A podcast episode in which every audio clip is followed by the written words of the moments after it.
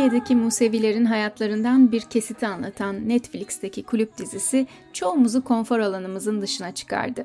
Biz de bugün bu kez edebiyatın uçan süpürgesiyle konfor alanımızın dışına çıkacak, iyi kötü yaşadıklarını kendilerinden başka kimsenin pek bilmediği Türkiye azınlıklarının kitaplarına bir göz atacağız. O kadar mutluyum ki karşımda azınlık romanlarını arayıp bulan, bu kitapları okumaya bayılan, bize anlatacaklarını Google tanrısının bile toplu olarak size sunamayacağı en can arkadaşlarımdan Çağrı Öncel var. Çağrı Denizli'de diş hekimi ama onun esas işi kitaplar ve müzik. Çağrı'cığım beni Türkiye ve dünya edebiyatından birçok harika yazarla sen tanıştırdın. Şimdi istiyorum ki Türkiye'deki azınlıkların güzelim yazarlarıyla da tanıştır ki eksik kalmayayım. Hatta fikirlerim, görüşlerim, duygularım değişsin, yaşadığımı hissedeyim. Dinleyicilerimizle birlikte Türkiye'nin azınlıklarıyla ortak şarkılarımızın, yaşantılarımızın farkına varırken hiç de ortak olmayan yönlerimizi, duygularımızı keşfedelim. Siyasetin kaypaklığından kültürün oturaklılığına sığınalım. Ama önce sen nasıl azınlık edebiyatı okumaya başladın? Yani bu merak herhalde üniversite ya da lise yıllarında olabilir. İzmir yakınlarında Şirince ilçesi var ya biliyorsun. Hı hı. Orada geçen bir roman var. Adı Benden Selam Söyle Anadolu'ya. Epey bir baskı yaptı o kitap. Ondan sonra Türk-Yunan Abdi İpekçi Barış Ödülü aldı. Yazarı da Germencikli bir Rum. Adı Dido Sotirihu. Hı hı. Onun kitabını okumuştum. Çok etkilenmiştim. Yani o kitapta Şirince'deki Rumların hayatını anlatıyordu. Daha sonra işte Kurtuluş Savaşı yıllarında yaşanan trajik olaylar bir süre sonra da işte Kuşadası yakınlarından Samos'a kayıklarla kaçmalarıyla bitiyordu roman. Daha sonra işte Sabahattin Ali'nin öyküleri arasında Çirkince diye bir öykü vardı. O öykü Şirince'nin eski adı yani Çirkince. O öyküde e, Sabahattin Ali şunu anlatıyordu. Kendisi çocukluk yıllarında babası Selçuk kaymakamı iken Şirince'de e, ev tutuyorlar. Selçuk'ta sıtma salgını olduğu için. Orada geçirdiği o birkaç yılı anlatıyor. Çok güzel tatlı bir hayat olduğunu.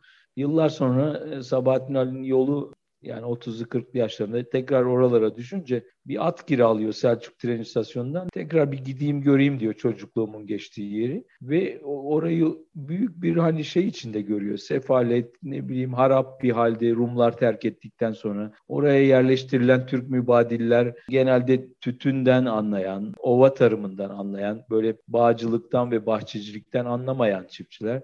Onlar da oradaki bahçelerin şeyine sebep olmuşlar işte. Verim alamaz hale gelmiş bahçeler. Üretim düşmüş. O yüzden böyle zor bir hayat yaşar vaziyette görmüş oradaki Türkleri.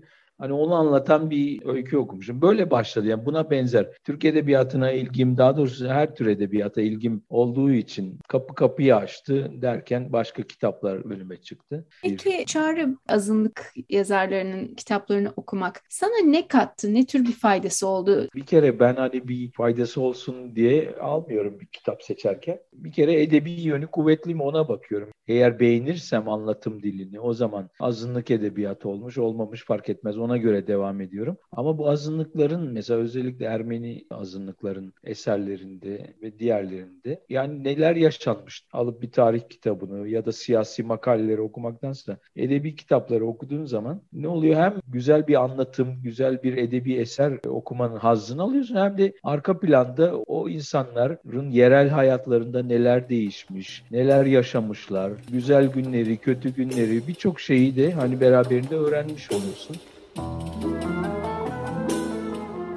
Ya bu konuda mesela buna örnek şey verilebilir. Hagop Munzuri.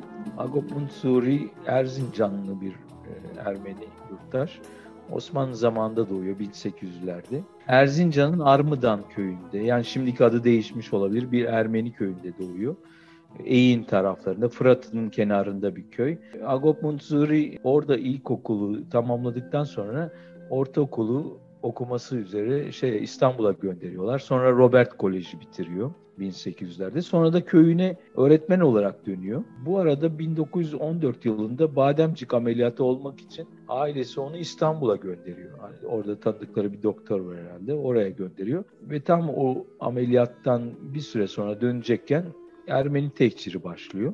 ve sonra da ailesinden daha doğrusu tüm sülalesinden hiç kimse kalmıyor. Yani hepsinin öldürüldüğünü ya da yollarda helak olduğunu öğreniyor. Hiçbirinin izine ömrü boyunca bir daha rastlamıyor. İstanbul'a kendine yeni bir hayat kuruyor ve öyküleri hep şeydir yani Erzincan'ın ve o yörenin geçmişi, oradaki adetler, gelenekler, o tarım toplumunun nasıl kışı geçirebilmek için bahardan, yazdan hazırlık yaptıkları. Hani çok güzeldir. Yani o o yörenin sosyolojisini de öğrenirsin. Yani hani sadece tarihte yaşadıkları acı tatlı olaylar değil, aynı zamanda bir nüfus nasıl geçimini sağlıyor, gelenekleri, görenekleri, etraflarındaki Alevilerle, Kürtlerle, Türklerle geçimleri nasıl, onları da öğrenme imkanı oluyor.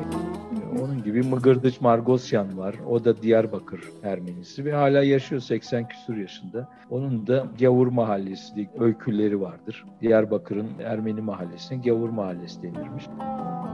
Geçtiğimiz haftalarda mesela Notos dergisi vardır, aylık çıkan edebiyat dergisi. Notos dergisi kapağı Zaven Biberyan'ı koydu. Yani kapak yaptı ve özel dosya hazırladı. Yaklaşık 70 sayfaya yakın Zaven Biberyan'la ilgili farklı yazarların makaleleri vardı. Zaven Biberyan da işte 80'li yıllara doğru yanılmıyorsam vefat etmiş. Onun da üç tane romanı var. Aras yayınlarından çevrildi. Yani 1950'lerin İstanbul hayatını anlatıyor. Zaven Biberyan İstanbullu. Peki ama aslında Çağrı şu söylediklerinden şunu anlıyorum. Yani Türkiye'de milliyetçiliğin çok ayyuka çıktığı bir dönemde ve ön yargıların çok fazla arttığı bir dönemde aslında bu tür hikayeleri okumak, farklı bakış açılarını okumak belki senin bunları okuma sebebin bu olmasa da sonuç olarak belki tarihe farklı bir gözle bakmayı da sağlıyordur değil mi? Kesinlikle öyle. Bu benimki bireysel bir gayret. Aslında bu devlet politikası olması lazım. Bu iş böyle hani sadece dostluk işte iki ülkenin dışişleri bakanlarının birbirine sarılması, aynı sofrada yemek yemesi onlarla çözülmez. Nesiller üzerinde bir değişikliğe gitmek istiyorsak dostlukları pekiştirici, farklılıkları kabul etme yönünde böyle bir takım kitaplar, öyküler, romanlar hani bunlar müfredata yerleştirilebilir. Alıntılar. Hani çünkü evet yani zaten Türkiye'de az önce bu konuşmaya başlamadan önce baktım. Türkiye'de Rum nüfus 2000-4000 arası. Ermeni nüfus yaklaşık 60 bin civarı. Yahudi nüfusu 15 bin civarı. Hala bunları tehdit olarak görmek, hala bunlar üzerinden düşmanlık söylemlerini devam ettirmek bunlar üzücü olmaması lazım. Ama aynı şekilde diğer ülkeler için de geçerli bu. Yani onların da bu konularda samimi gayretleri olması lazım. Şimdi senin çok iyi bir okuyucu olduğunu biliyorum. Dünya, Türkiye edebiyatı hepsi. Ama şu anda konuştuğumuz azınlık yazarlarından seni en çok etkileyen hatta değiştiren yazarlar var mı ya da özellikle belli kitaplar? Söyleşimizin başında söylediğim gibi hani Dido Sotiryu'nun Benden Selam Söyle Anadolu'ya kitabı benim hani özellikle bir Egeli olarak Anadolu'da Ege'de yaşanmış e, olaylara e, bakışımı da değiştirdi. Öğrenme merakı da uyandırdı. Onun dışında son geçen yıl basılmış bir kitap var. Onu hararetle tavsiye ederim. E, Herkül Millas'ın. Herkül Millas 1940 Ankara doğumlu ve Robert Kolej mezunu.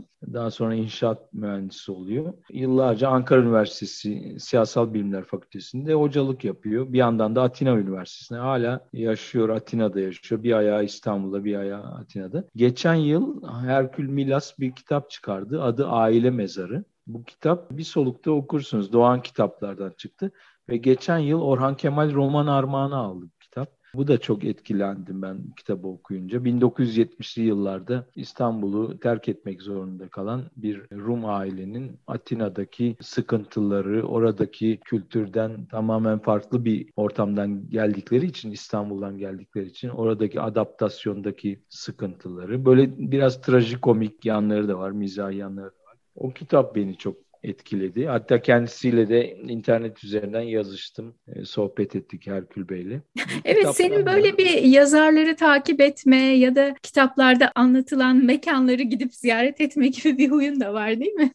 ben seviyorum. Eğer bir bir yazarı çok beğendiysem, bana çok hitap ettiyse ne yap edip bir şekilde tanışmaya çalışıyorum. Böyle birçok yazarla Herkül Milas'la tanışman nasıldı? E, mail, maille tanıştık. Yani hani şey yapmadık. Yüz yüze tanışmadık. Mutlu yani. olmuştur ama böyle bir tepki aldığı için. Muhakkak sevmiştir hani Anadolu'dan birinin kendisine yazması. Onun dışında Avustralya'da yaşayan Bozcaadalı bir Rum var. Adı Dimitri Kakmioğlu. Onun çok güzel bir kitabı çıktı E yayınlarından. Ama şimdi yeni baskısı yok galiba. Kitap 2014 baskısı. Adı Ana Yurt. 1970'li yıllara kadar Bozcaada'da yaşayan Rum azınlığın bireylerinden biri Dimitri Kakmioğlu. Şu anda 50 50'li yaşların sonlarında. On, onunla da onunla bayağı sohbet ettik. Facebook'tan arkadaş olmuştuk. Oldukça trajik bir şey yaşamışlar. Böyle resmen kaçarcasına Bozcaada'yı terk etmişler. Ailecek dilini hiç bilmedikleri bir ülkeye binlerce kilometre uzağa Kıbrıs'ta olanlar e, yüzünden hani bizde de bir şey olur mu diye. Bozcaadalı Rumlarda e, can korkusu olmuş çok. E, ve çoğu malını mülkünü orada bırakıp terk etmişler ve Avustralya'da şu anda baya bir Bozcaadalı popülasyon var. Onların hikayesini anlatıyor Dimitri Kakmioğlu ve yıllar sonra Türkiye'ye geliyor. Yıllar sonra 30 yıl sonra falan 10'lu yaşlarda gidiyor 40'lı yaşlarda doğduğu büyüdüğü mahalleye geri dönüyor. Orada birkaç yaşlı kalan Rum'la yıllar sonra karşılaşıp işte hasret gideriyor. Böyle güzel bir kitap tavsiye ederim onu da Ana Yurt. Peki Çağrı belki genellememek lazım azınlık gruplarını tabii ki ve biz burada Rum edebiyatından, Yahudi edebiyatından ve Ermeni edebiyatından bahsediyoruz ama bütün bu azınlık kitaplarında senin böyle çok ortak diyebileceğin bir tema var mı? Yani genelde tüm romanlara yansıyan herhangi bir duygu, bir şey, özellik. Ortak tema değil de hoşuma giden e, yönleri var. Mesela zarif bir hayat yaşamışlar. Daha incelikli yaşamışlar. Mesela Reşat Nuri Güntekin'in bir romanı vardır Ateş Gecesi diye. 1910'ların Milas'ında geçer roman. Oradaki Reşat Nuri Güntekin'in ağzından sürgüne gönderilmiş bir öğretmeni anlatır. Milas'taki Rum mahallesinde bir Meryem Ana yoğurtusunu anlatır. Oradaki neşeyi, ahenki, işte laternalar çalıyor, insanlar sokaklarda dans ediyor. Yani böyle kaç göç yok. Hani bizim özlemini çektiğimiz hayat 100 yıl önce Anadolu'da e, bu azınlıklar arasında yaşanır. Böyle güzel şeyler okuduğu zaman insan keşke bu, bu halklar bu ülkeyi terk etmeseydi diyor yani.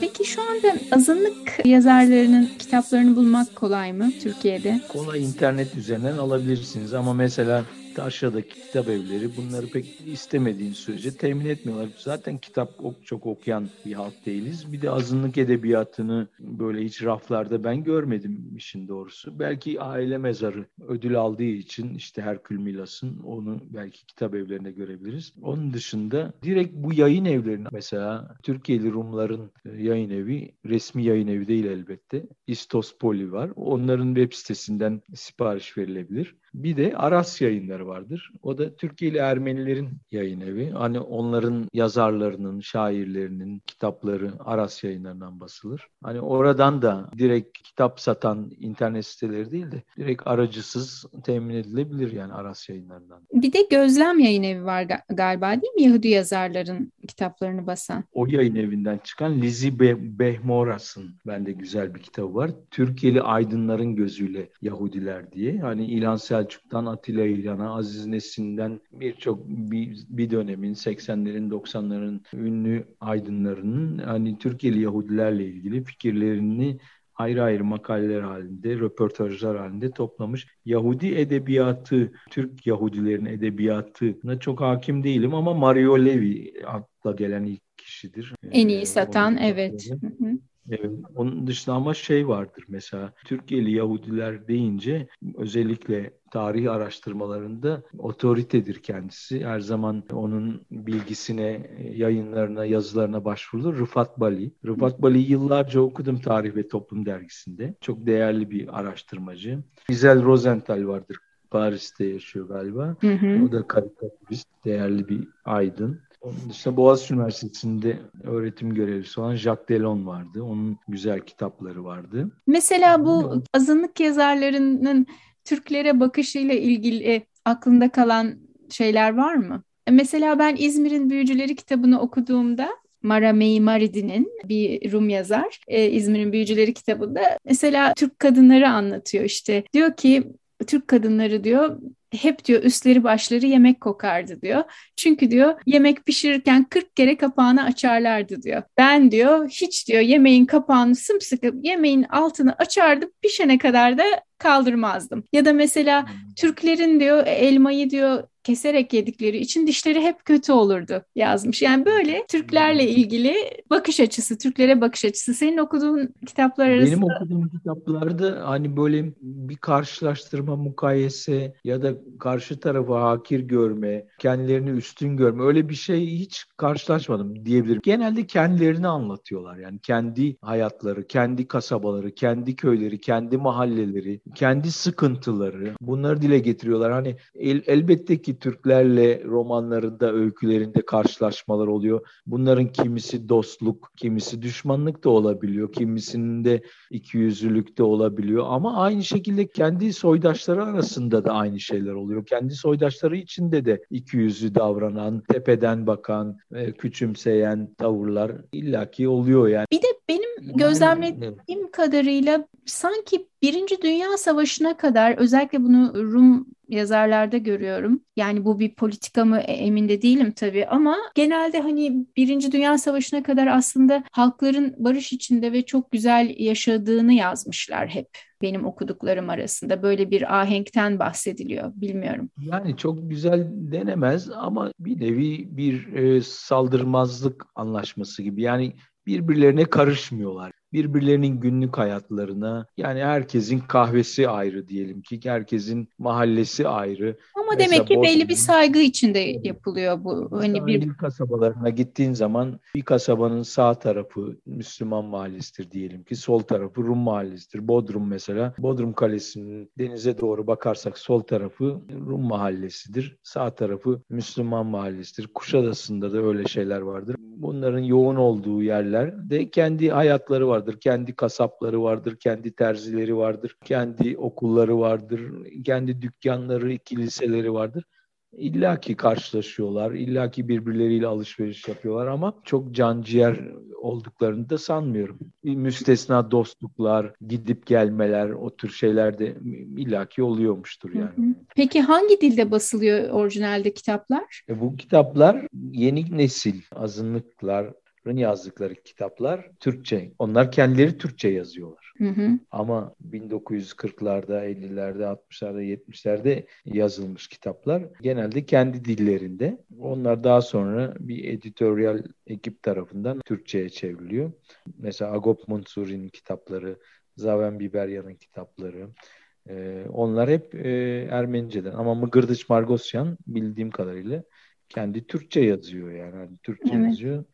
Buradan şunu da çıkartabilir miyiz? Artık kapalı topluluklarda öğrenilen diller acaba unutuluyor mu da? Yani o dillerde çalışamayınca, yaşayamayınca. Yani şu çağdaş yazarların Türkçe yazması meselesi. Yani zaten mesela bildiğim kadarıyla UNICEF burada kullanılan Ermeniceyi yok olmakta olan diller arasına almıştı. Aynı şekilde Ladino'da. Evet muhakkak öyle. Yani hani zaten cemaatin nüfusu yani topluluğun nüfusu son derece az. Aralarından yazar çıkması da e, ihtimallere, olasılık e, hesaplarına bakarsan o daha da az. Onların da genç kuşak özellikle çoğu hani yurt dışında yaşamak gibi böyle planlar içerisinde.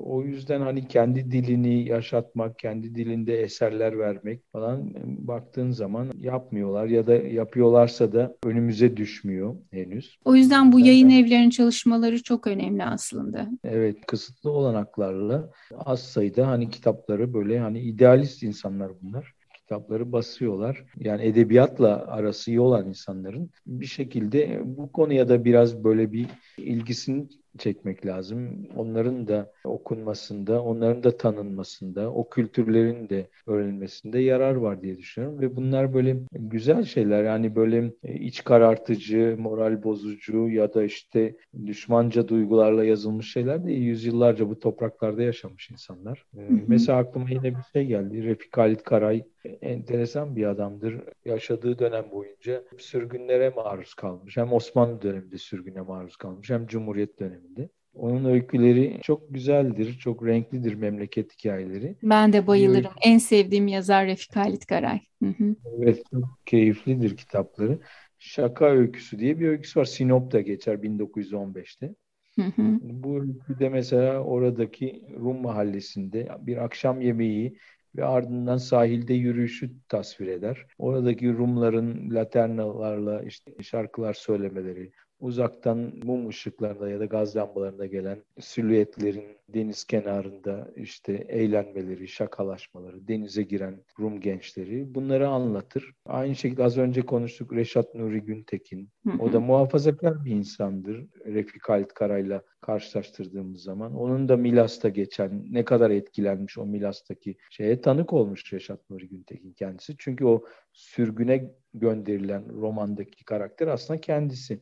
Aynı şekilde Sabahattin Ali'nin Şirince öyküsü. Bunlar hep farklı siyasi görüşlerde insanlar ama onların ortak bir yanı mesela Said Faik'in öykülerinde de aynı şekilde Adalı Rumlar. Ortak şeyleri hepsinde böyle bir imrenme, hepsinde bir o yaşantıların dışında da olsalar hani böyle onları gözlemliyorlar, ondan memnun kalıyorlar, hoşnut kalıyorlar. Onların içlerine girince mutlu anlar geçiriyorlar.